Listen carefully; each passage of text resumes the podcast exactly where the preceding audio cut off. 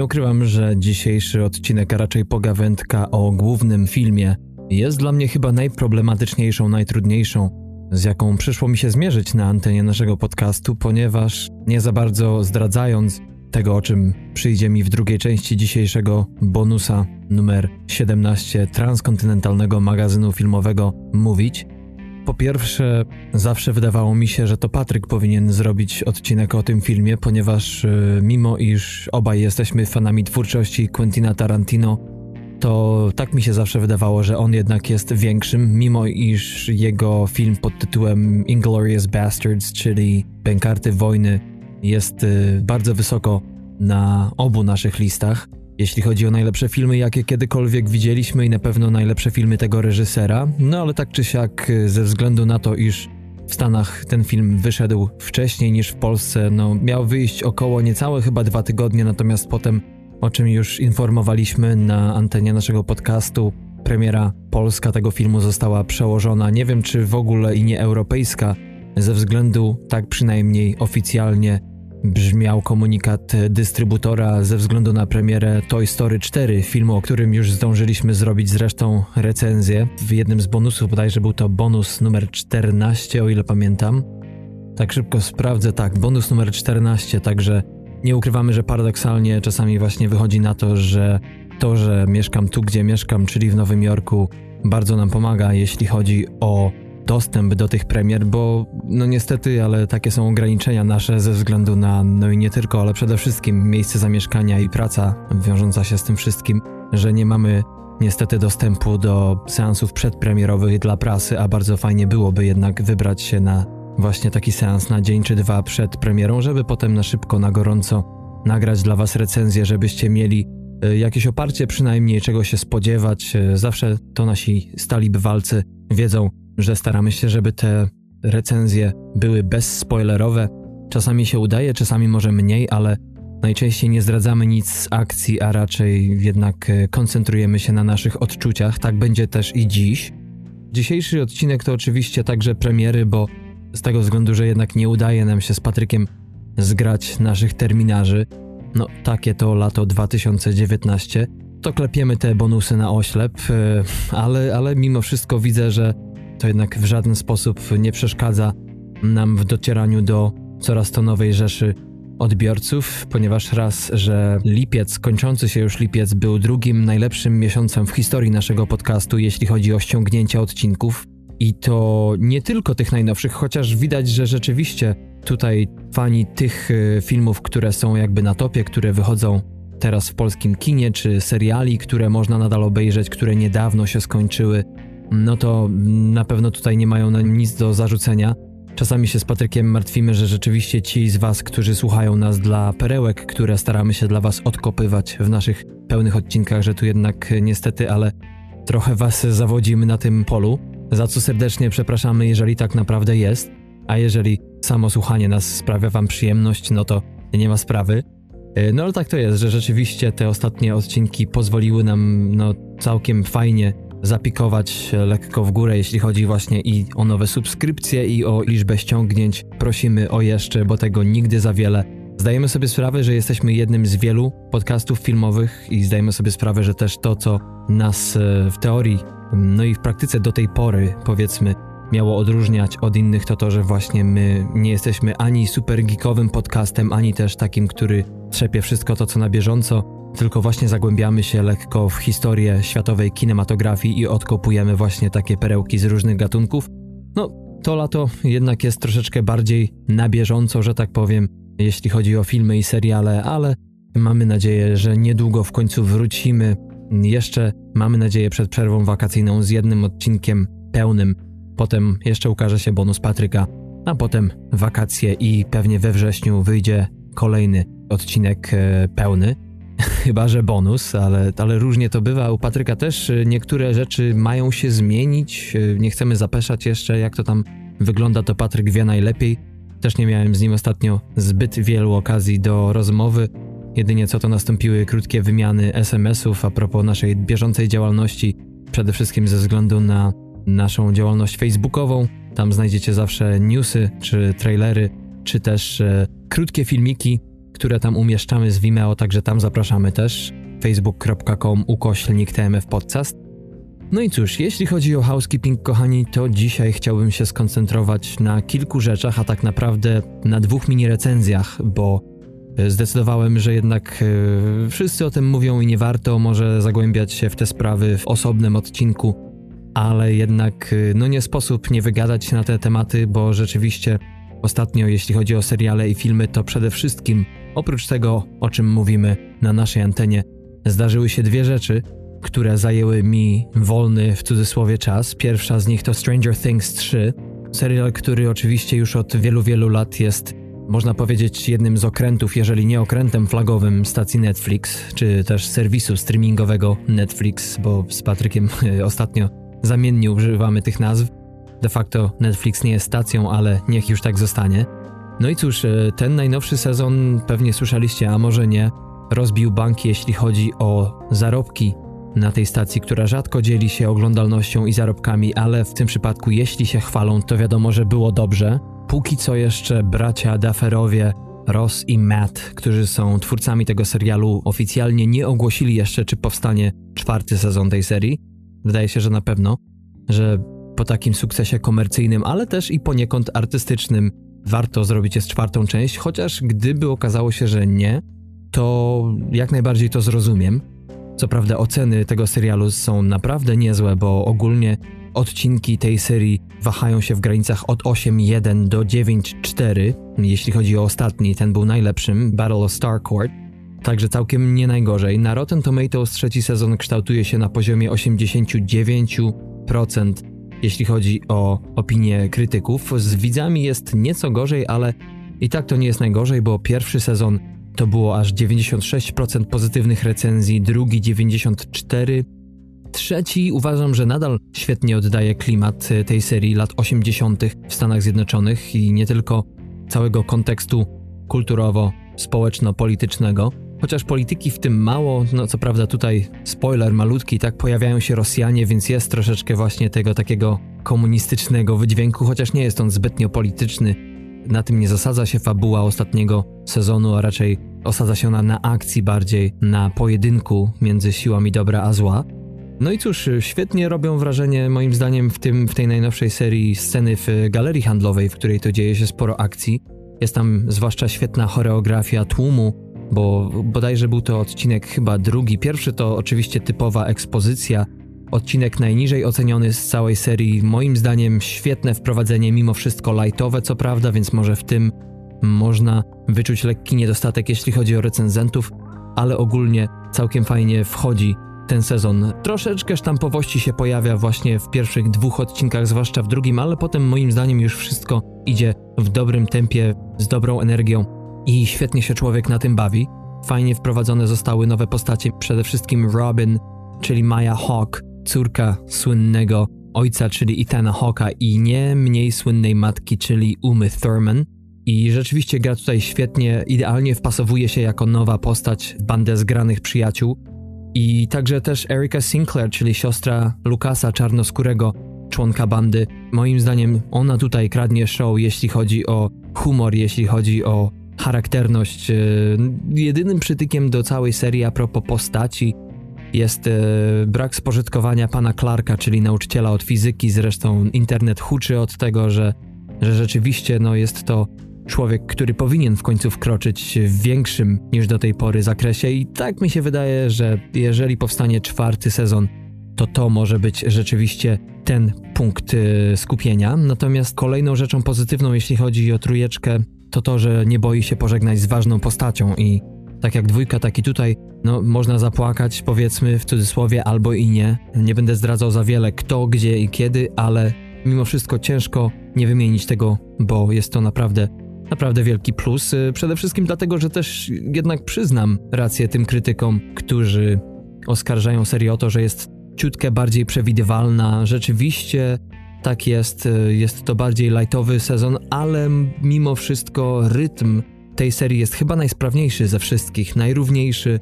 I chociaż czasem aktorstwo trąci mychą, to nadal, chociaż to takie może moje aktorskie zboczenie, to jednak to wszystko wpasowuje się tutaj idealnie w sam klimat e, tego trzeciego sezonu. i być może ma właśnie trącić. Mówi się, że serial powinien mieć nieco starszą widownię. Nie wiem o co tu chodzi, jeśli chodzi o tych krytyków, którzy tak się wyrażają. może ze względu na to, że jest troszeczkę już tutaj więcej romansu, jeśli chodzi o naszych młodych bohaterów, bo nie tylko w porównaniu do pierwszego, ale także do drugiego sezonu wielu z nich naprawdę, naprawdę wydoroślało. Zmieniły się głosy, wyrośli, zmieniły się twarze, już nie jest tak dziecięco jak wcześniej, no i tutaj też warstwa romantyczna gra sporą rolę. Co ciekawe, jeśli chodzi o ten aspekt e, tego serialu, to tutaj dzieci zachowują się jak dorośli. Nie wiem, czy w tym wieku tak to się robi. Nie wiem, nie znam się. Ja, ja w ich wieku jednak nie myślałem o takich sprawach. E, romanse nie były mi w głowie. Może oni są wyjątkowi po prostu, że to wygląda bardzo, ale to bardzo dorośle, natomiast dorośli zachowują się jak dzieci. Zwłaszcza tutaj mowa o relacji Joyce, czyli matce Willa, chłopaka, który został porwany w cudzysłowie, przeszedł na tę drugą stronę w pierwszej serii i to też się za nim ciągnie. No i Jima Hoppera, czyli słynnego policjanta, który sprawuje pieczę nad miasteczkiem Hawkins. Prywatnie muszę też pochwalić za swoje aktorstwo Miszę Kuźniecowa, który gra, nie wiem, tutaj malutki spoiler, ale gra w scenie przesłuchania rosyjskiego oficjala, czy to nie pamiętam już był generał, czy, czy porucznik, y, czy pułkownik. Natomiast prywatnie jest to mój znajomy z naszej pracy dziennej. No facet o wybujałej fantazji, człowiek, który y, ma bardzo, bardzo ciekawą historię i tutaj nie będę się zagłębiał, bo to też y, nie podcast o tym, no i opowiadać mógłbym o nim godzinami, ale był to aktor, który robił ogromną, ogromną karierę w Sankt Petersburgu. Wtedy też poślubił Amerykankę, która jednak no, rozpiła mu się w tej Rosji i nie mogła znieść e, klimatu rosyjskiego, mimo iż Sankt Petersburg to przepiękne miasto jest co w nim robić. No i Misza musiał ustąpić i zgodził się przenieść e, ze swoją żoną i dziećmi do Stanów Zjednoczonych, najpierw do Chicago, potem do Nowego Jorku. I tutaj gra non stop. Nie tylko na Broadwayu ma swój epizod i też e, tu i ówdzie w teatrze regionalnym, ale też przede wszystkim w filmie i telewizji. Zawsze gra oczywiście wschodnioeuropejskiego czy rosyjskiego, czy to oficjala, mafioza, pandziora, czy też po prostu zwykłego człowieka. No i tutaj też świetnie, świetnie gra i no ja szkoda, że tak małe role, bo nawet rozmawiając z tym facetem wyczuwa się w nim pokłady tej energii, tego, że rzeczywiście ten człowiek ma w sobie jakiś bardzo, bardzo skomplikowany i mocno ciekawy świat i aż szkoda, że tak rzadko jest w stanie się uzewnętrznić, jedynie to właśnie w bardzo znanych serialach, ale w bardzo małej roli, choć świetny, świetny epizod, to tak prywatnie. Natomiast moja ocena całej serii to 12 na 15, w porywach może 13 na 15.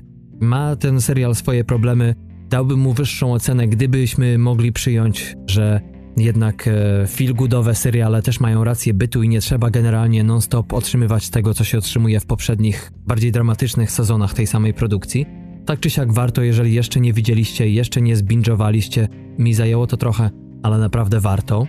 No i cóż, housekeeping kończymy mini recenzją Króla Lwa, który na IMDb nie ma najlepszych ocen, bo jest to 7.2. Na Rotten Tomatoes też jest słabo, bo chociaż e, widzowie tutaj są nawet bardziej szczodrzy niż na IMDb, bo jest to ocena 8.9 e, przy 88% pozytywnych opinii widzów. Natomiast jeśli chodzi o krytyków, to tutaj już nie jest tak świetnie, bo jest to tylko 52% pozytywnych recenzji na 357 i ocena średnia to 6 na 10. No i rzeczywiście, jeśli chodzi o walory artystyczne, jeśli chodzi o taką bardziej krytykę, można by powiedzieć obiektywną, to tutaj skłaniałbym się ku właśnie recenzentom, którzy jednak mają tutaj rację, że oprócz tego, że wiadomo, Fajnie jest obejrzeć coś po wielu, wielu latach. No ja ten film widziałem bodajże po 15 latach od y, ostatniego seansu oryginału z 1994 roku. Fajnie było się przekonać, jak dużo się jednak z niego pamięta i też jak bardzo ten film rzeczywiście idzie do przodu, jeśli chodzi o akcję, bo, bo non-stop coś się dzieje w tym filmie, mało jest tych zwolnień, a jeżeli są, to dają tyle wytchnienia moim zdaniem, ile potrzebujemy to jednak jeśli chodzi o dzisiejszą wersję live action, to to, co jest dla jednych fajną rzeczą, czyli że ten film jest wierną kopią oryginału, to dla drugich właśnie to przeszkadza, bo mimo kilku nowych scen i podrasowanego humoru, to ta myśl z tyłu głowy, która podpowiada nam, co za chwilę będzie, jednak odziera, mnie przynajmniej obdarła z zaskoczenia jakiegokolwiek. No i to spowodowało, że to serducho jednak biło gdzieś tak po środku. Ani nie było przejęte mocno, ani też jednak łza się nie zakręciła. Czasami oczywiście w kilku momentach tak, ale to moim zdaniem takie dwie piki na tym wykresie, no to jednak nie jest za wiele. Aktorsko musiałbym pochwalić tutaj przede wszystkim Johna Olivera, który na początku przynajmniej w kilku momentach robi fajną robotę. John Oliver, jeżeli nie wiecie, to brytyjski komik, który od kilku lat prowadzi Last Week Tonight na, o ile wiem, stacji HBO i to jest takie podsumowanie tygodnia każdy poniedziałek. No i też muszę pochwalić zarówno Billego Eichnera w roli Timona, jak i Setha Rogena w roli Pumby. Wiadomo, że Pumba to jeden z najbardziej komediowych, najfajniejszych postaci w tym filmie, a tutaj to, co odstawia Seth Rogen, to po prostu mistrzostwo świata. Y, jest prześwietny, przechodzi samego siebie. Zaskakuje mimo już ciężko raczej o zaskoczenie, jeśli chodzi o tego aktora, bo ci, co go znają i znają jego dorobek, y, czy chodzi o dubbing, czy też po prostu aktorstwo, to wiedzą, że ten facet po prostu ma to coś w sobie, co mu przychodzi naturalnie i zawsze, jak to się mówi, w punkt. Film charakteryzuje się rzeczywiście świetną grafiką, zwłaszcza pejzażami. Ja ten film oglądałem w 3D i chyba rzeczywiście zaczyna mi przechodzić ta alergia na ten system, bo zawsze wydawało mi się, że jednak to mnie troszeczkę obdziera z tego wczucia się w samą akcję, w samo sedno filmu i zamiast tego zdaje się podziwiać e, technikę, wykonanie, a tutaj jednak to wszystko wydaje się, że dodaje tej niesamowitości, tej warstwie live action i co ciekawe, tylko jeden shot w tym filmie. Tutaj taki mały spoiler otwierający film pejzażu afrykańskiego. To jest jedyne zdjęcie, do którego reżyser filmu, czyli John Favreau, przyznał się, że jest to autentyczne ujęcie, które ekipa filmowa zarejestrowała o wschodzie słońca na wspomnianym kontynencie, a reszta to kompletnie realizacja komputerowa. Więc to jest niesamowite, bo nie można tych rzeczy odróżnić. No i cóż, wydaje się, że jednak to, że zarówno w warstwie ujęciowej, jak i ogólnej ten film jest tak podobny do oryginału, no to chyba jednak coś zostało przeoczone przez twórców. Z jednej strony jest to jednak zmarnowany potencjał, no i są też rzeczy, które naprawdę nie działają w tym filmie dla mnie. Do tych rzeczy przede wszystkim zalicza się motyw mówiących zwierząt. Inaczej niż w oryginale, tam to wszystko działało, cała ta antropomorfizacja, Natomiast tutaj kompletnie jednak zwierzęce odruchy, bo te zwierzęta rzeczywiście są oddane w najmniejszym detalu i aż e, nie można uwierzyć, że to nie jest prawdziwy zwierz. Tutaj jednak ich mimika twarzy, mocno ludzka, kompletnie nie współgra z ich zwierzęcą naturą. Ktoś też powiedział na internecie, że ci, którzy oskarżają ten film właśnie o brak emocjonalności zwierząt, że jednak ta mimika jest, ale nie oddaje tych emocji, że te jednak elementy można wyczuć w ich oddechu, w napinanych mięśniach czy, czy w ruchach ogonów, to moim zdaniem to nie działa e, w tym filmie, bo zamiast czegoś, co byłoby jednak bardziej efektywne i mogłoby przyciągnąć do siebie wszelaką maść e, widzów, to tutaj jednak e, no, powoduje kłótnie ewentualnie, czy właśnie ta mimika działa, czy nie. Niektórzy w ogóle na to nie zwracają uwagi. Mi po prostu to za mocno wystawało i zwłaszcza śpiew też, co ciekawe, bo w tym filmie oczywiście mamy wiele słynnych utworów, przede wszystkim Oscarową piosenkę Can You Feel the Love Tonight autorstwa Eltona Johna. Tutaj wiele utworów e, przywodzi na myśl oryginał i, i otwiera lekko serducho, to jednak często te utwory, zwłaszcza Donalda Glovera i Beyoncé, którzy grają tutaj Simbę i Nale, z jednej strony ten śpiew ich jest pozbawiony estradowości, bo nikt tutaj, zwłaszcza Beyoncé, nie próbuje udowodnić nikomu, tak mi się zdawało, że potrafi śpiewać, to po prostu słychać. Ale też wydaje mi się, że jednak niestety jest on też pozbawiony jakiejś emocji, że często mam wrażenie, że jest zbyt czysty, nie współgrający z tym, co dzieje się na ekranie. I czasami właśnie, zwłaszcza jeśli chodzi o Beyoncé, bo ona tutaj moim zdaniem dominuje to wykonanie, tę parę, wszystko to idzie w drugą stronę, w zupełną aemocjonalność, no cóż, dla mnie ten film to niestety zmarnowany potencjał, bo o ile tak jak wspomniałem, fajnie było sobie przypomnieć oryginał i fenomenalne efekty specjalne zawsze robią niesamowite wrażenie. No to jednak tutaj za wrażenie estetyczne 15 na 15, no może 13,5 na 15, bo ten śpiew jednak e, dołuje lekko tę ocenę, ale za całokształt to takie 9 na 15, szkoda, ale to nie znaczy, że nie warto się na ten film wybrać, bo ciekawość niektórych z Was zapewne zżera, a jednak e, koniec końców zawsze lepiej tej ciekawości, jeżeli jest ona bezpieczna, jak w tym przypadku, warto dać upust. I to tyle, kochani, jeśli chodzi o moje takie dwie mini recenzje. Jeśli chodzi o premiery, to w ostatnim bonusie Patryka Nie było mowy o ostatnim właśnie minionym weekendzie, ale tym, który jakby poprzedzał wydanie naszego ostatniego bonusa, więc dzisiaj zdecydowałem sobie połączyć dwa weekendy, ten, który za nami, czyli lipiec 29-31 i ten, który przed nami, czyli zaczynający się w piątek 2 sierpnia. Jeśli chodzi o ogólnie filmy, które dostępne są w polskich kinach, to to jest ich sporo, między innymi jest dramat hiszpański, który wychodzi właśnie w ten piątek pod tytułem Juli o artyście baletowym, który wydaje się nie ma najgorszych ocen i być może jeśli chodzi o propozycje ofowe, to to jest to. Jak ktoś jest wielkim fanem filmu dokumentalnego w kinie, to mamy tutaj Pavarottiego w reżyserii słynnego reżysera Rona Howarda, więc być może to będzie to. Czas trwania godzina 54 minuty. Ten film także wychodzi w ten piątek 2 sierpnia. A ja zacznę dzisiaj od filmu, który wyszedł w poprzedni weekend, 29 lipca. Dwóch filmów, które wtedy wyszły. Pierwszym z nich jest Truposze nie umierają, czyli horror-komedia słynnego scenarzysty i reżysera Jima Jarmusza. Jego premiera miała miejsce w Cannes 14 maja, a akcja filmu rozgrywa się w Ameryce, a raczej yy, można powiedzieć w takiej Ameryce w pigułce, czyli gdzieś w zabitej mieścinie na wschodzie.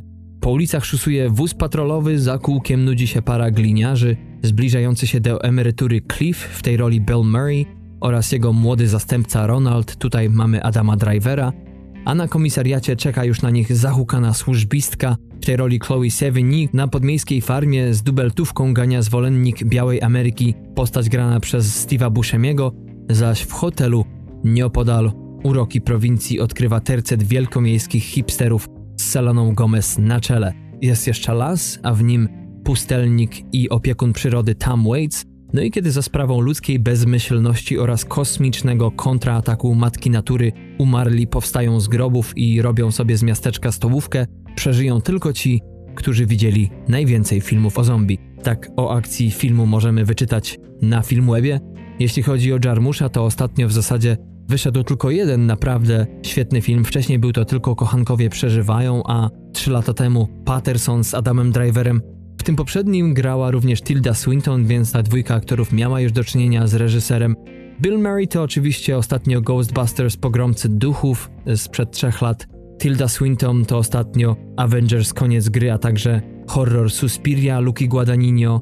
Jeśli chodzi o Adama Drivera, to oprócz świetnej roli we wspomnianym Pattersonie Jarmusza, ostatnio widzieliśmy go także w Czarnym Bractwie Black Klansman Spike Lee, czy w człowieku, który zabił Don Quixota, natomiast e, w tym roku pod koniec ujrzymy go także w Gwiezdnych Wojnach Skywalker Odrodzenie, gdzie będzie oczywiście grał Kylo Rena. Steve Buscemi to ostatnio Śmierć Stalina, jak dla mnie całkiem świetna komedia z 2017 roku, a także Miracle Workers, serial z tego roku z Danielem Radcliffe'em, i oprócz tych e, głównych postaci mamy również e, Selenę Gomez, danego Glovera, Kyleba Landry Jonesa, tutaj świetna rola w filmie Trzy billboardy za Ebbing, Missouri i wspomniana Chloe Sevigny.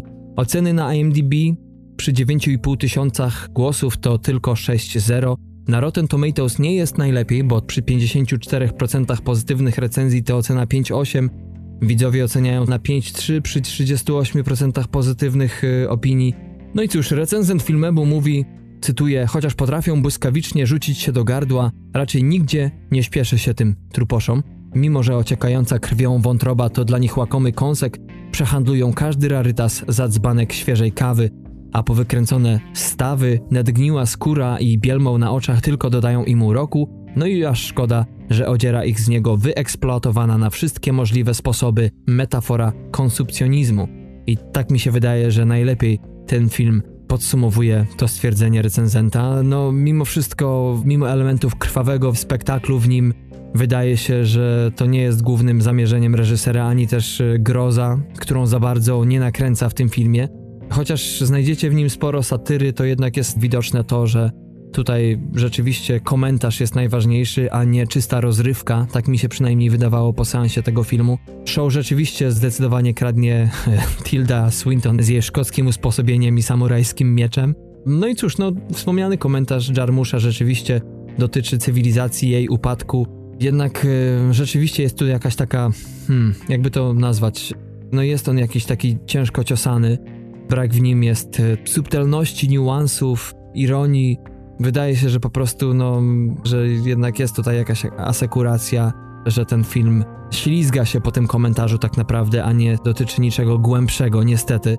Szkoda, że no, po całkiem niezłym ostatnim jego filmie Pattersonie tutaj Jarmusch jednak pikuje w dół i zaraz po premierze tego filmu w Cannes widać, że te oceny naprawdę leciały na łeb, na szyję i moim zdaniem wybierzcie się na ten film na własną odpowiedzialność.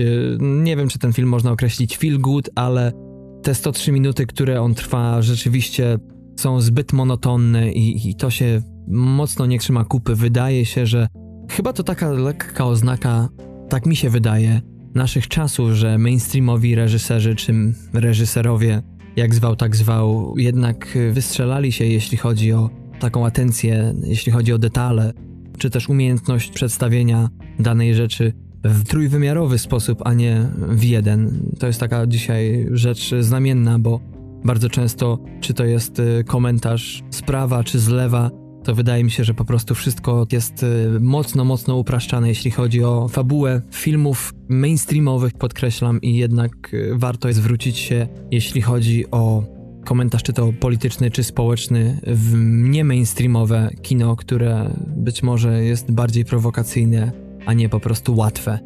Taki to mój komentarz a propos tego filmu.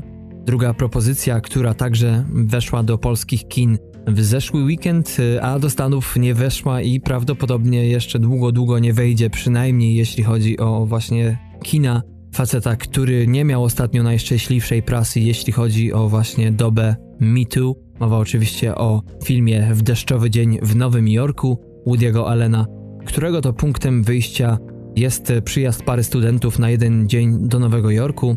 Ona, w tej roli Elle Fanning, ma przeprowadzić wywiad ze znanym reżyserem, którego gra Liv Schreiber, a on, grany przez Timothy'ego Chalameta, chce zorganizować dla swojej dziewczyny romantyczny wieczór, unikając przy tym swojej dominującej matki mieszkającej właśnie w metropolii. Los jednak sprawia, że ścieżki bohaterów rozchodzą się, a każde z nich spotyka kolejne postaci, z którymi rozmawia o życiu, sztuce, miłości, związkach, czyli typowy Woody Allen. W obsadzie tego filmu oprócz wspomnianych postaci mamy także Judah Law i Diego Lune, a także Selene Gomez. Jeśli chodzi o oceny i recenzje tego filmu, to na Rotten Tomatoes jest ich kompletny brak. Na IMDb widnieją tylko 73 głosy. A propos fanów, i jest to cena 6,7, więc sami widzicie, jak mocno hm, niszowym, obskurnym jest ten film, co chyba obrazuje najlepiej, w jakiej rzeczywistości dzisiaj żyjemy, że jednak to, kim jest reżyser i jak się zachowuje, to jaka aura czy atmosfera się wokół niego wytwarza, jest przede wszystkim bardziej dostępna nam, zwykłym śmiertelnikom, bo dzięki powszechnemu dostępowi do mass mediów, może czasem nawet zbyt powszechnemu, no i taka ikona światowego kina, jednak ze względu na mocno niejasną, żeby nie powiedzieć kontrowersyjną przeszłość, yy, i to nie taką najnowszą, doświadcza tego, co po angielsku nazywa się voting on your feet, czyli po prostu jeżeli nie podoba się coś, nie podoba ci się sklep czy kino, to po prostu nie idziesz i nie wydajesz pieniędzy. Jeśli chodzi o odczucia tego filmu, można wyczytać, że rzeczywiście jeden z typowych filmów ostatnich, jeśli chodzi o tego reżysera, czyli jest to seria autonomicznych scenek. Krytykuje się ten film za zbyt nonszalanckie podejście reżysera do zadania, jednak y, który nie zdaje się wyciskać ze swoich aktorów wystarczająco. No i muszą oni się mocno gimnastykować, zarówno ci młodzi, jak i ci bardziej doświadczeni, żeby po prostu jakoś to wyglądało. Że często niestety, ale konstrukcja sama ich postaci jest mocno toporna, przeszarżowana, żeby nie powiedzieć niezręczna. Ale co ciekawe, im dłużej trwa seans, tym mniejszą uwagę podobno zwraca się na te wady realizacyjne. Raz, że humor tworzy tutaj zaskakująco przyjemną atmosferę, a dwa, że też Woody Allen im starszy, tym niekoniecznie lepszy, ale nie straci na wartości, jeśli chodzi o intrygujące i trafne spostrzeżenia na temat choćby życia, związków czy sztuki i sprawia, że właśnie ten film staje się jakby głębszy podobno. Mówi się, że jest to jego zdecydowanie najlepszy film od czasu Blue Jasmine. Ja na pewno wybrałbym się mimo tych kontrowersji a propos reżysera na ten film, żeby zobaczyć samo dzieło, bo no tak jest niestety w dzisiejszym świecie, że sam nawet doświadczam tego na każdym kroku, że jest bardzo wiele osób, których czytam, czy to jeśli chodzi o książki, czy publicystykę, zwłaszcza społeczno-polityczną, czy też artystyczną, a niestety kiedy te postaci zdają się otwierać swoje buzie na tematy, wobec których mam kategoryczne odmienne zdanie, no to jednak jest to pewna gimnastyka, z którą sam muszę się często zmierzyć, żeby jednak nie odrzucić pewnych rzeczy, które jednak uważam za mocno wartościowe, jeśli chodzi o twórczość tych osób, no a których światopogląd często, czy też właśnie jak w przypadku czy to Woody'ego Allena, czy Louis C.K.'a, mocno, mocno wątpliwe zachowania w ostatnich latach czy dekadach e, no, nie ułatwiają sprawy mi jako odbiorcy, żeby jednak jakoś sobie poradzić z tym i przejść na chwilę do, do tego, co jako twórcy chcą wyrazić. Na co dzień w Nowym Jorku często widzę to a propos ostatnich mocnych kontrowersji związanych z Michaelem Jacksonem i słynnym dokumentem na HBO. Często widzę samochody, które suną z prędkością cegły po gumie po topiącym się asfalcie, które przy opuszczonych oczywiście oknach z przodu i z tyłu pompują tłuste bity króla popu w otaczający eter. No i zawsze jak to słyszę, to zatrzymuję się na chwilę i jest taki moment, że nie wiem co o tym myśleć, czy to dobrze, czy źle, bo nie wiadomo tak naprawdę gdzie leży prawda, prawdopodobnie gdzieś po środku, tak jak to zwykle bywa, ze wszystkim niemal. Z drugiej strony nie da się jednak e, oprzeć wrażeniu, że jego twórczość to po prostu jest fenomen na skalę światową i jest to coś ponadczasowego i... No i właśnie, żyjemy w takich czasach, a nie innych. I z tym może ciężkim oddechem przechodzę do ostatniej premiery, kochani, która teraz wychodzi do polskich kin 2 sierpnia. Światowa premiera tego filmu ma miejsce jutro, czyli dzień po nagrywaniu mojego odcinka. Nagrywam go we wtorek. No i akcja filmu Szybcy i Wściekli, Hobbs i Shaw brzmi następująco. Od kiedy żyjący w zgodzie z prawem Hobbs, w tej roli Dwayne Johnson, lojalny agent ochrony służb dyplomatycznych oraz były pracownik elitarnych jednostek wojskowych Wielkiej Brytanii, dziś społeczny wyrzutek Shaw, w tej roli Jason Statham oczywiście, spotkali się w 2015 roku w serii Szybcy i Wściekli 7, pozostają w nieustannej walce na słowa i czyny, choć pewnie lepiej byłoby napisać ciosy, ale sytuacja zmienia się, gdy cybergenetycznie ulepszony anarchista Brixton, w tej roli Idris Elba, przejmuje kontrolę nad bronią biologiczną, która może zmieść z powierzchni Ziemi ludzkość, wspólnie z nieustraszoną agentką MI6, w tej roli Vanessa Kirby, która okazuje się prywatnie siostrą Shaw, zajadli przeciwnicy muszą zjednoczyć się we wspólnej sprawie, by zniszczyć jedynego gościa, który jest gorszy niż oni dwaj. Za scenariusz tego filmu odpowiada Chris Morgan, dla którego jest to już siódmy film z tej serii jego autorstwa, a oprócz tego popełnił także scenariusz do 47 Roninów z Keanu Reevesem, a w niedługiej przyszłości ujrzymy także pod łukiego pióra takie filmy jak Bride of Frankenstein Billa Condona z Javierem Bardemem czy Legendę Conana, oczywiście z Arnoldem Schwarzeneggerem. Za reżyserię tego filmu natomiast odpowiada David Leach, który jest autorem takich filmów jak Atomic Blonde czy Deadpool 2, Wyreżyserował także wspólnie z Chadem Stachelskim pierwszą część Johna Wicka, chociaż tam był niewymieniony w czołówce. No i oprócz tego jeszcze w niedługim czasie ma wyjść w reżyserii Davida Leacha film sci-fi The Division z Jakeem Gyllenhaalem i Jessica Chastain w rolach głównych. W obsadzie, tak jak już wspomniałem, Dwayne The Rock Johnson, Jason Statham, a także Vanessa Kirby, Idris Elba czy Helen Mirren. Jeśli chodzi o oceny, to jest ich kompletny brak, jeśli chodzi czy to IMDb czy Rotten Tomatoes. Trailer wygląda świetnie, kilka razy już miałem okazję obejrzeć go w kinie podczas seansów innych filmów. Nie robi mi kompletnie seria Szybcy i Wściekli, ale naprawdę tutaj przynajmniej trailer jest smakowity, więc to pewnie jest e, zapowiedź, mam nadzieję, czegoś dobrego. I paradoksalnie, mimo iż mamy wielkie nazwisko, czyli Woody'ego Allena i mamy też e, Truposze nie umierają kolejnego wielkiego, ciutkę mniejszego kalibru reżysera niż Allen, czyli Jima Jarmusza, to jednak e, Hobbs i Shaw wydają się pewniejszą rozrywką. Czas trwania tego filmu to 2 godziny 14 minut. No i co? Przechodzimy do pewnego razu w Hollywood Quentina Tarantino. Widziałem ten film dwa razy w kinie. Za pierwszym razem średnio podszedł mi. Patryk się pytał mnie, ile bym mu dał. Powiedziałem 7 na 10, za wiele nie zdradzając. Ale po drugim seansie tego filmu nie tyle moja ocena nie zwiększyła się, może ciutkę, ale jakby inaczej odebrałem ten film, inaczej go zrozumiałem i jakby ten film można niestety, tak jak ostatnio zaczyna się dziać z kilkoma filmami, które podobno mają być rewelacyjne, jeśli chodzi o mnie przynajmniej, być może to ja się rozjeżdżam jako w cudzysłowie recenzent, ale no mm, z jednej strony jest to film, który mocno mnie rozczarowuje, a z drugiej strony ma bardzo wiele smaczków i na pewno jest to mocno, mocno ciekawy dodatek do filmografii reżysera, Premiera tego filmu miała miejsce w Cannes 21 maja tego roku. Był nominowany także w sekcji głównej tego festiwalu. Nad nim Quentin Tarantino pracował przez podobno prawie 5 lat i jest to hołd złożony, jeśli chodzi o tytuł, wielkiemu włoskiemu reżyserowi Sergio Leone, który popełnił takie filmy jak choćby Pewnego razu na Dzikim Zachodzie czy dawno temu w Ameryce. Po angielsku oba zaczynały się Once Upon a Time. W Stanach Zjednoczonych ten film wszedł 26 lipca. Z tego co wyczytałem, to na trwającym teraz festiwalu Nowe Horyzonty w Polsce ma być także pokazywany w sekcji specjalnej. Wiadomo było, że Quentin Tarantino zaraz po wybuchu skandalu z Weinstein Company, a dokładniej mówiąc Harveyem Weinsteinem, zerwał z tą wytwórnią, no i inne wielkie tytuły zostały zaproszone do składania ofert. Koniec końców wygrało Sony i dzięki temu Tarantino dostał takie pieniądze, jakie chciał na produkcję tego filmu. Pierwsza wersja trwała podobno 4 godziny i 20 minut. Tak też podaje strona IMDb i całe szczęście, że tyle ten film nie trwa, a i tak moim zdaniem niestety trwa on zbyt długo. Chociaż tak jak ostatnio rozmawiałem z moim przyjacielem tutaj w Nowym Jorku, z którym bardzo często, czy to chodzę na filmy, czy rozmawiam i którego opinia była cokolwiek inna po pierwszym seansie tego filmu, to jednak zazwyczaj bardzo wiele rzeczy uczę się rozmawiając z nim i, i też zwłaszcza jeśli chodzi o moją optykę i to jak patrzę na filmy. No i tutaj dla niego te 2 godziny 40 kilka minut było w sam raz, dla mnie i tak za dużo. Ciekawe, 4 godziny 20 minut, 2 godziny 40. Po premierze w Cannes otrzymał 7-minutową owację na stojąco.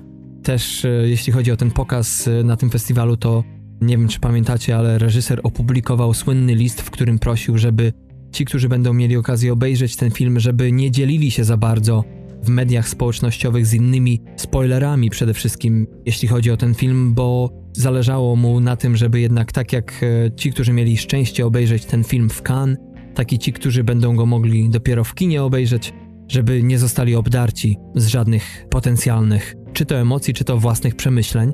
Podobno jest to najbardziej osobisty film reżysera, który często mówi w wywiadach, że wychował się zwłaszcza na filmach z lat 60. i 70. i ten także jest hołdem, właśnie jeśli chodzi o końcówkę, zwłaszcza 60.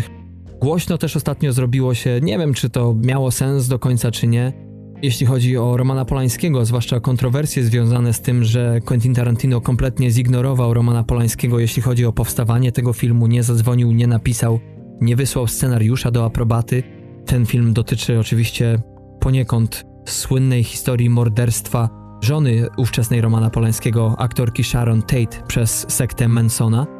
Nie wiem, czy takie rzeczy powinny się tak odbywać, nie wiem, czy to nie za wielka jest ingerencja ja rozumiem, że niektóre rzeczy są prywatną sprawą i tak dalej, ale jednak Roman Polański był w tym czasie osobą publiczną, a tak to nasz świat działa, że jednak jeżeli ktoś zostaje osobą publiczną i staje na świeczniku, no to jednak y, to jakoś inaczej się odbywa.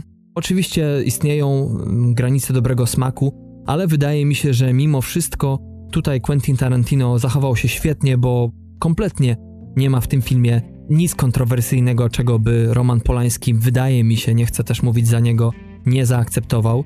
Zresztą, no, fakt jest taki, że Quentin Tarantino skontaktował się z siostrą nieżyjącej Sharon, która także była zaproszona na plan, która też była zaproszona do niego do domu i przez trzy dni miała okazję porozmawiać o filmie, przeczytać scenariusz i zaakceptowała, zaaprobowała tę wersję.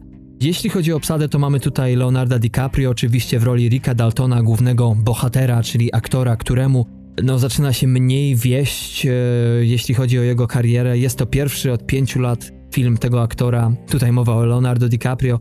Nieodzownego można powiedzieć w tym filmie partnera Ricka Daltona gra tutaj Brad Pitt. Głównym jego zajęciem jest po prostu bycie asystentem swojego przyjaciela, można powiedzieć, e, bardziej niż jego kaskaderem więc to jest kolejny ważny wątek w tym filmie. Sharon Tate gra tutaj Margot Robbie, która podobno w niektórych scenach nosi także prawdziwą biżuterię, onegdaj należącą do aktorki, którą gra. Warto również y, dodać, że jest to ostatni także film Luca Perego, który zmarł w tym roku na zawał. Luke Perry to oczywiście słynny aktor, pewnie znany większości wam z serialu Beverly Hills 90210. No i jeśli chodzi o znane nazwiska, to pojawia się tutaj także i Bruce Dern, Ostatnio najbardziej znany, chyba najbardziej zapamiętany i nominowany do Oscara za film Nebraska, aktor już w mocno podeszłym wieku, który gra tutaj właściciela rancha, na którym mieszka sekta Charlesa Mansona. i tutaj w tej roli zastąpił on Barta Reynoldsa, który zmarł zanim sceny z jego udziałem zostały kręcone. Budżet tego filmu to 90 milionów dolarów, czyli wydaje się nie aż tak dużo w porównaniu na przykład z Hobbsem i Shaw. I warto dodać, że jest to najlepsze otwarcie w historii, jeśli chodzi o filmy Quentina Tarantino. Poprzedni rekord należał do jego, naszym TMF-owskim zdaniem, najlepszego filmu, czyli Bękartów Wojny. Tam było to 2 miliony mniej, 38 dokładnie. No i dla obu aktorów, czyli Brada Pitta i Leonardo DiCaprio, jest to czwarte najlepsze otwarcie ich filmów i dziesiąty film, który przekroczył granicę 100 milionów dolarów w box office. Najlepszym otwarciem dla DiCaprio to była Incepcja, a dla Brada Pitta World War Z. No i można powiedzieć śmiało, że dzisiejszy film będzie ich jedenastym filmem, kiedy to producenci zarabią okrągłą, jeżeli nie więcej, sumkę stubaniek. Jeśli chodzi o oceny, to cóż, na IMDb obserwujemy powolny zjazd z początkowej oceny 9,4, teraz jest to ocena 8,7 przy około 27 tysiącach głosów. Na Rotten Tomatoes widzowie oceniają ten film na 7,2 przy 72% aprobacie. Jeśli chodzi o recenzentów, jest już tu o wiele lepiej 7,8 na 10 przy 85%. I cóż, no tak jak powiedziałem, jest to wyjątkowy film w dorobku reżysera ze względu przede wszystkim na temat, ale poniekąd i stylistykę. Ale jest to też i moim zdaniem najmniej tarantinowski film do tej pory. Można powiedzieć, że zatacza on mniej więcej koło, wraca do początku, wraca do Jackie Brown, który zresztą był filmem opartym na powieści, nie był to jego oryginalny scenariusz. Film ten po raz pierwszy obejrzałem rano o kawie na czczo, tak jak zwykle oglądam przynajmniej pierwszy raz dany film z żoną i ta po godzinie filmu szepnęła mi na ucho, gdzie jest ten Tarantino i nie miała tutaj bynajmniej na myśli małego cameo, czyli pojawienia się samego reżysera w pomniejszej rulce, co też następuje, ale jeśli chodzi o styl, że jednak tutaj mało się tego odczuwa, oczywiście oprócz walorów artystycznych, bo mamy tutaj końcówkę lat 60., mamy tutaj świetne połączenie tak zwanego stock footage, czyli materiałów archiwalnych ze zdjęciami, kiedy to właśnie Pitt i DiCaprio mkną przez jakiś jeden czy drugi bulwar i dalszy plan czasem wygląda naprawdę na mocno zatłoczoną okolicę, więc albo jest to jakieś sprytne nałożenie archiwalnych zdjęć, albo ogromny wysiłek, który został włożony, by to wszystko wyglądało niesamowicie realistycznie.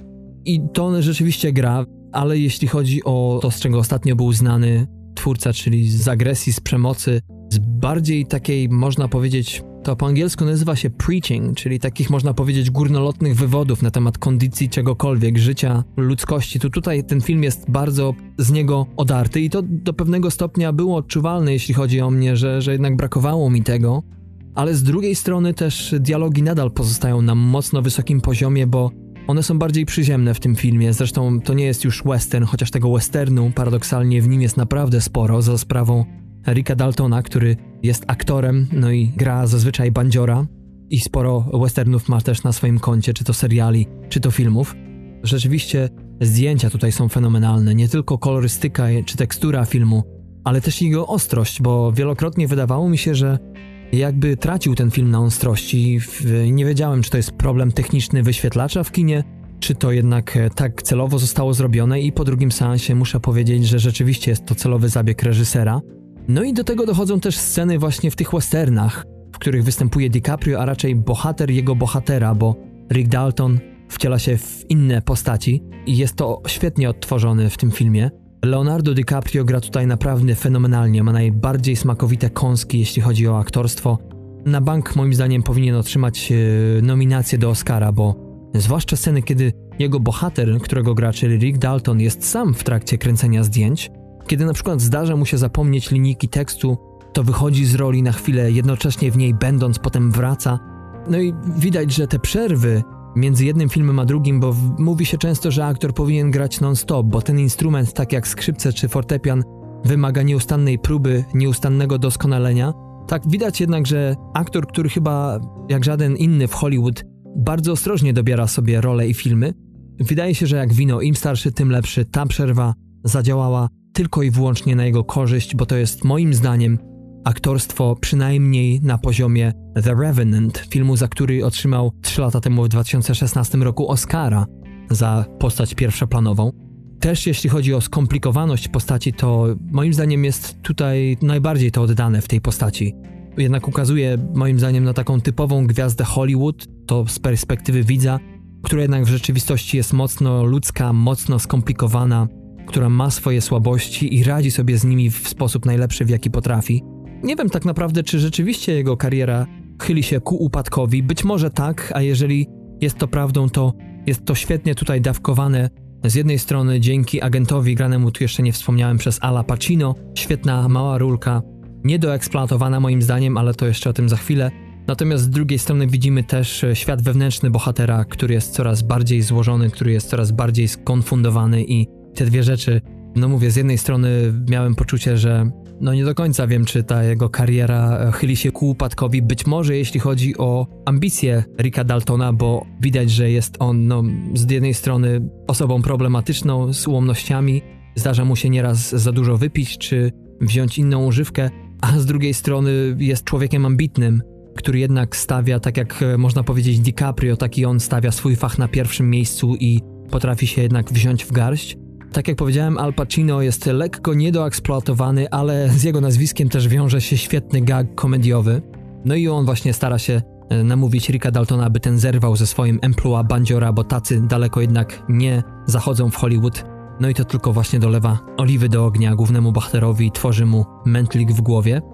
Podobnie widoczny problem w swoim życiu ma także grany przez e, wspomnianego przeze mnie brada Pita Cliff Booth, jednak ten, e, mimo mocno burzliwej i nie mniej tajemniczej przeszłości, o której tu i ówdzie się dowiadujemy, jednak traktuje to wszystko z niespotykanym stoicyzmem, co z jednej strony jest świetnym elementem, jeśli chodzi o ten duet, e, na kontrze do Daltona, któremu co rusz odbija, który co rusz się gdzieś miota, ale z drugiej strony mam wrażenie, że przez to Booth jest jakiś taki nijaki. Ta nijakość wychodzi zwłaszcza w porównaniu do jakości postaci Leonardo DiCaprio, ale wydaje mi się po drugim seansie tego filmu, że to wszystko po prostu związane jest z tym, i tutaj przejdę do sedna mojej krytyki tego filmu negatywnej, że po prostu jest on za długi. Wszystko to jest rozwleczone i tak jak mojemu przyjacielowi 2 godziny 40 minut to był idealny czas, nie za długi, nie za krótki, tak dla mnie po prostu ten film nigdy, jeśli chodzi o tempo, o ten pacing, nie odrywa się od ziemi. Oczywiście te wszystkie ujęcia Hollywoodu, te wszystkie ujęcia tego całego pejzażu, rancha, na którym mieszka gang Mansona, czy też niezliczone sceny z Bradem Pittem w samochodzie, który przemierza szerokie i parne ulice miasta aniołów. To jest oczywiście smaczek i plus, natomiast jednak chyba to mi położyło lekko, zwłaszcza jeśli chodzi o pierwszy seans tego filmu. Pewnie niektórzy z Was pamiętają, ale często podkreślam, że ja jestem jednak człowiekiem, który dość często ma jednak to za złe filmowi, że intelektualnie może są one bogate, ale najbardziej liczy się to, co w kinie. Rozrywka też jest ważnym elementem filmu i dla mnie perfekcyjne filmy to takie, które z jednej strony mają bogatą, naszpikowaną detalami historię do opowiedzenia, a z drugiej strony nie muszę się wiercić w fotelu i nie myślę o tym, że jednak chce mi się siku, czy że jednak coś bym zjadł, czy o innych bzdurach, które związane są z moim dniem. No i niestety to jest największy, największy przytyk do dzisiejszego dzieła Quentina Tarantino. Ale żeby nie jechać tak do końca, to Wspomnę jeszcze, że świetnym elementem mocno tarantinowskim jest przede wszystkim scena z Bruce'em Lee. Tutaj pojawia się stary, dobry Quentin. Nie będę zdradzał za wiele, ale to w trailerze widzicie, w kilku zresztą, bo ich się do tej pory ukazało bodajże dwa czy trzy, to ta scena jest jednak lepsza niż sugeruje to nawet zwiastun. Całkiem też ciekawy jest miks faktów i fikcji w filmie, zwłaszcza jeśli chodzi o motyw słynnego morderstwa żony Romana Polańskiego. Tutaj nie będę też zdradzał o co chodzi, ale w interesujący sposób postanowił się z tym reżyser rozprawić. I także dlatego, że to jest w pewien sposób film rewizjonistyczny, jeśli chodzi o lata 60., bo tutaj warto wspomnieć, że był to taki naprawdę czas e, dość ciekawy w Stanach, kiedy zwłaszcza w roku bodajże 65 zaczęła się rodzić kultura hipisowska, w San Francisco przede wszystkim, ale ogarnęło to też i Los Angeles i też wielu hipisów zaczęło się pojawiać tu i ówdzie, byli można powiedzieć wszędobylscy, i była to taka kontrakulturowa, zwłaszcza jeśli chodzi o nie tylko konsumpcjonizm amerykański, ale też wojnę, przede wszystkim może nawet wojnę w Wietnamie i inne sprawy polityczne. I tutaj też jest tego sporo, jest to na drugim planie.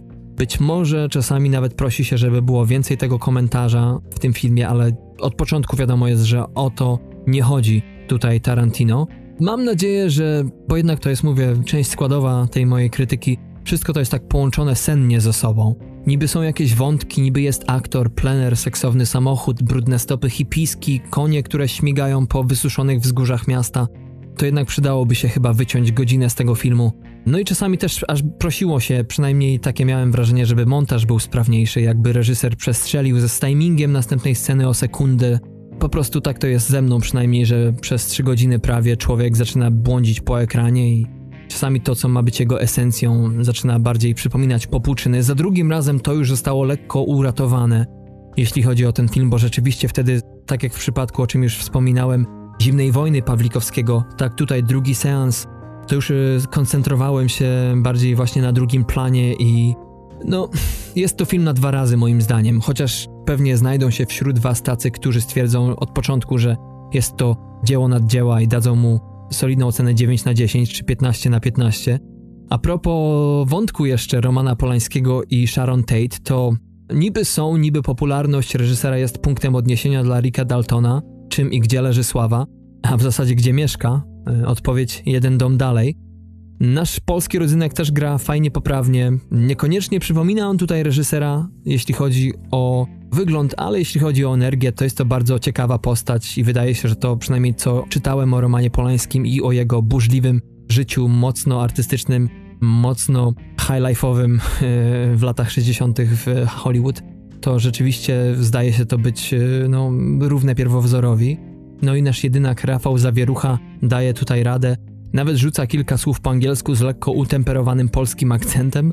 Jeśli chodzi o Margot Robbie, która gra tutaj wspomnianą Tate, no to na początku wydawało mi się, że jest chyba na ekranie tylko dlatego, żeby widz się z nią zaznajomił, że tak naprawdę nie gra jakiejś ważnej rulki, że to tylko element dodatkowy. Hmm, no ale rzeczywiście jest to jakiś komentarz, y, mówię to po drugim seansie tego filmu a propos Hollywoodu, bo jest to aktoreczka, która w jednej scenie spaceruje sobie po słynnym bulwarze hollywoodzkim, potem dociera do kina pokazującego jej film, no i zostaje całkowicie jakby nierozpoznana, nikt nie wie kim jest, y, także to jest mocno ciekawa rzecz i oczywiście to, że reżyser jednak wplótł w ten film autentyczne sceny z filmu, w którym wystąpiła Sharon Tate, więc mamy tutaj z jednej strony aktorkę ją grającą, z drugiej strony Sharon Tate grającą inną postać, więc y, to też robi fajne wrażenie moim zdaniem. Jest to taki element meta w tym filmie, to zaliczam mu na plus. No i też elementy filmu dokumentalnego, które wplata reżyser tu i ówdzie, mi na myśl przywiodły zwłaszcza bękarty wojny. Często te rzeczy tłumaczą nam coś w filmie, jakieś dane zjawisko, czas, przedstawiają nam postać, więc to akurat jeden z tych nielicznych, ale jednak elementów starego dobrego Quentina. A creme de la creme moim zdaniem są tutaj te występy Ricka Daltona w serialach amerykańskich, czy to FBI, czy to western, no i technika filmowania i sposób narracji, jaką użył Quentin Tarantino, żeby odtworzyć wszystko tutaj tak dobrze, że często te fikcyjne sceny, fikcyjnych seriali czy filmów wydają się prawdziwe, że rzeczywiście mamy tutaj materiał archiwalny i no tylko przyklasnąć, będę zdziwiony, jeśli przejdziecie wobec tych filmów, wobec tych scen obojętnie. Jeśli chodzi o scenę z sektą Charlesa Mansona pod koniec filmu, porównując ten film choćby do Django Django czy Nienawistnej Ósemki, jest to jedyny flagowy popis tarantinowskiego kina. Moim zdaniem przychodzi on lekko za późno, żeby uratować cały film. Mówię tu oczywiście o moim pierwszym podejściu do tego filmu, ale faktycznie po części wynagradza naszą cierpliwość i jest to największa frajda, jaką miałem w tym filmie, właśnie ta scena. Chociaż tej frajdy jest tu i ówdzie naprawdę, naprawdę, może nie sporo, ale na wysokim poziomie. No i na koniec taka refleksja a propos przeplatającego się, mam wrażenie, przez ten odcinek motywu Me Too. Ciekawe, czy to tak wyszło, po prostu, czy ten film to odpowiedź Quentina na te wszystkie oskarżenia właśnie w dobie Me Too o czy to traktowanie kobiet, bo no, raz, że obrywają w jego filmach, dwa, że pojawiały się też e, komentarze a propos jego traktowania bezpieczeństwa na planie, jeśli chodzi o różne myki kaskaderskie, zwłaszcza jeśli chodzi o kobiety, czy też o fetysz jego stóp, który przewija się przez jego twórczość, ale tutaj w tym filmie nie tylko jest mocno inaczej, ale nawet pada jedno zdanie z ust postaci granej przez Brada Pitta, które jest jakby nową jakością, jeśli chodzi nie tylko o reżysera, ale też o i postać w filmie, w jego filmie, która niby jest, a przynajmniej zdaje się być kobieciarzem, a tutaj jednak zachowuje klasę i w mocno ciekawy sposób. Jeśli chodzi o podsumowanie filmu, cóż, film mocno epizodyczny, z wieloma smaczkami, które jednak nie trwają za długo i nie stanowią o spójności filmu, raczej przeciwnie, zdają sprawę z tego, że po prostu jest jej w filmie brak, no chyba, że ciągłe, wolne tempo jest dla nas spójnością. Tak mówię to oczywiście po, po tym pierwszym seansie. Świetna obsada aktorska, kunszt artystyczny w całej krasie. Jest to wakacyjna, senna wizja lat 60., tak jak wspomniałem, Los Angeles, kontekstu kulturowego, politycznego, z wątkami osobistymi. No i tak naprawdę po pierwszym obejrzeniu tego filmu wydawało mi się, że gdyby to nie był film Tarantino, tylko kogoś innego, to można by było być pod jeszcze większym wrażeniem tego filmu, że oto pojawił się ktoś, kogo film, choć nie jest pozbawiony błędów, to jednak ma w sobie ogromną ilość ciekawych elementów, które świadczą tylko o potencjale reżysera, no ale problem w tym, że to jednak jest Tarantino i w jego przypadku nie mówi się raczej o potencjale na co dzień, ale o kunszcie i dorobku.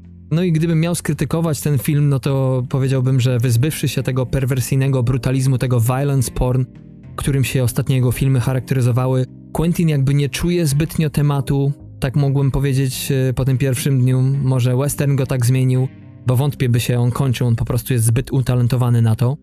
No to jednak właśnie, jakkolwiek bądź to pierwsze moje wrażenia były takie, że zamiast opowieści z krwi i kości dostałem trochę mięska i całkiem sporo tłuszczu, ale no już po drugim filmie, a jeszcze trzeci raz się wybieram na niego za tydzień, bo będzie grany w formacie 40 mm i być może zupełnie mi się zmieni podejście do tego filmu. Tak jak powiedziałem, moja ocena, kochani, jest niejednoznaczna. Na początku chciałem ocenić ten film na 11 na 15, czyli 7 na 10. Dziś po drugim obejrzeniu muszę powiedzieć, że to nie jest takie proste i dzisiaj to zwiększa się do powiedzmy 12, 13. Tak jak mówię, nie powinienem moim zdaniem mieć tego drugiego seansu. Tak bym chyba to wszystko podsumował, że ten drugi seans jest potrzebny, przynajmniej mi był, ale tak jak mówię, tak jak w przypadku mojego wspomnianego przyjaciela, taki być może wy dostaniecie to, czego ja nie dostałem. Może po prostu chodzenie na 10 rano do kina o kawie na czczo, myśląc, że jest się skoncentrowanym, działa tylko w przypadku kilku filmów, przynajmniej tak mi się wydaje, a może w ogóle jest to bzdura i, się mylę. Tak czy siak, kochani, ten film wchodzi do polskich kin 16 sierpnia, czyli za lekko ponad dwa tygodnie. Więc bardzo Was zachęcam do tego, żebyście napisali do nas, odezwali się, macie bardzo wiele kanałów kontaktowych, żebyście mogli wyrazić swoją opinię, no i zapraszamy do dyskusji, bo, bo to nam potrzeba też w tym naszym podcaście. My nie robimy tego tylko z siebie dla, dla siebie, a jednak e, tak jak z Patrykiem, tego może na antenie nie słychać za wiele, ale jednak w naszych takich codziennych konwersacjach tekstowych e, bardzo często spieramy się o różne rzeczy, czy nawet jeżeli nie spieramy się, to Często Patryk pisze mi o różnych rzeczach, które moim zdaniem albo przeze mnie były niezauważalne, albo też czasami jestem w stanie mu przyznać rację, ale się z nim nie zgadzam. Tak też mi wyszło z tej rozmowy właśnie z przyjacielem a propos pewnego razu w Hollywood, że niby wszystko to, co jemu się naprawdę podobało, widziałem czy rozumiałem. Poszedłem potem do kina jeszcze raz i rzeczywiście miał on rację, ale, ale jakby zdania też nie zmieniam z pierwszego seansu. Można było to troszeczkę ciutkę sprawniej zorganizować. Nie wiem, ocena pozostaje powiedzmy 12,5 na 15, może jeszcze pójdzie wyżej. E, muszę to sobie jeszcze raz dobrze, ale to dobrze przemyśleć. No dobra, kochani, czuję, że nagadałem się, jak to często Patryk mi przypomina z puszczonym okiem, że w tych moich odcinkach zdarzam się pędzić o wiele szybciej niż w tych nagrywanych wspólnie, ale tak to jest, że człowiek ma tylko powiedzmy dwie godziny czy półtorej godziny na nagranie swojego odcinka, ma wiele przemyśleń, no i notatek też się zbiera, a potem jeszcze mówiąc o wielu rzeczach też często zmieniam zdanie, czy też inaczej to syntezuję, bo czasami to, co napisałem, nawet jeżeli jeszcze raz to sobie ułożyłem na papierze, to, to jednak niektóre rzeczy zaczynam widzieć inaczej. Często kilka rzeczy zaczyna mi się odwidywać, bo nagle teraz na bieżąco sobie coś e, przemyślałem i, i też to inaczej wszystko wygląda. Tak czy siak, kochani, tak jak pewnie i wy wszyscy, tak i ja potrzebuję wakacji bo na dobre jeszcze się nie rozpoczęły, tak jak e, wspominaliśmy. Za kilka dni wyruszam w podróż do Polski, gdzie spędzę prawie trzy tygodnie i tam się porozbijam troszeczkę i tak to wszystko zleci i ani się obejrzy człowiek, a będę już nagrywał kolejny, tym razem pełny odcinek z Patrykiem. Takie mamy plany. Co w najbliższej przyszłości? Mamy już wybrany z Patrykiem film Niespodzianka, Potem Patryk jeszcze planuje swoją połówkę, którą pewnie zmontuje już w Polsce i wypuszcza już podczas de facto trwającego urlopu. No i potem właśnie będzie tych kilka tygodni przerwy i zobaczymy co dalej. Jeszcze raz dziękuję Wam serdecznie za to, że nas ściągacie regularnie, słuchacie, że Was przybywa. Tak jak wspomniałem na początku, tak powiem jeszcze raz, że lipiec był drugim po marcu tego roku najlepszym w historii naszego podcastu miesiącem, jeśli chodzi o czy to nowych słuchaczy, czy to ściągnięcia. Więc jeżeli macie okazję podzielić się z nami gdziekolwiek, czy to jest Twitter, czy to jest Facebook, czy cokolwiek innego, Instagram i Insta Stories, to, to zapraszamy, bo to naprawdę jest najlepszą dla nas reklamą. Na www znajdziecie nas wpisując tmfpodcast.com, tam znajdziecie oczywiście post z dzisiejszym odcinkiem, linki, trailery i tak dalej, także poprzednie odcinki, mozaikę tych wszystkich, które do tej pory się ukazały, z których na pewno coś sobie dla siebie wybierzecie, czy to seriale, czy filmy, stare, czy nowe. Na Facebooku i Instagramie wyszukacie nas wpisując TMF Podcast, na Twitterze TMF dolny podkreślnik podcast to jest nasz alias tamże. No a za tydzień co kochani? Pełen odcinek, a w kinach Toy Story 4. Tu zapraszam, jeżeli jeszcze nie słuchaliście mojego bonusa numer 14 o tym filmie, no to zapraszam, a potem do kina, bo naprawdę, naprawdę warto się wybrać, czy to dorosłym, czy to dzieciom, bo jest zupełnie inaczej niż w poprzednich trzech częściach.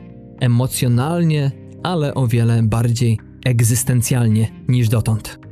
I to tyle z mojego długiego kazania dziś, kochani. Życzę Wam wszystkiego najlepszego. Trzymajcie się ciepło, uważajcie na siebie i do usłyszenia już niedługo na falach naszego eteru. Cześć.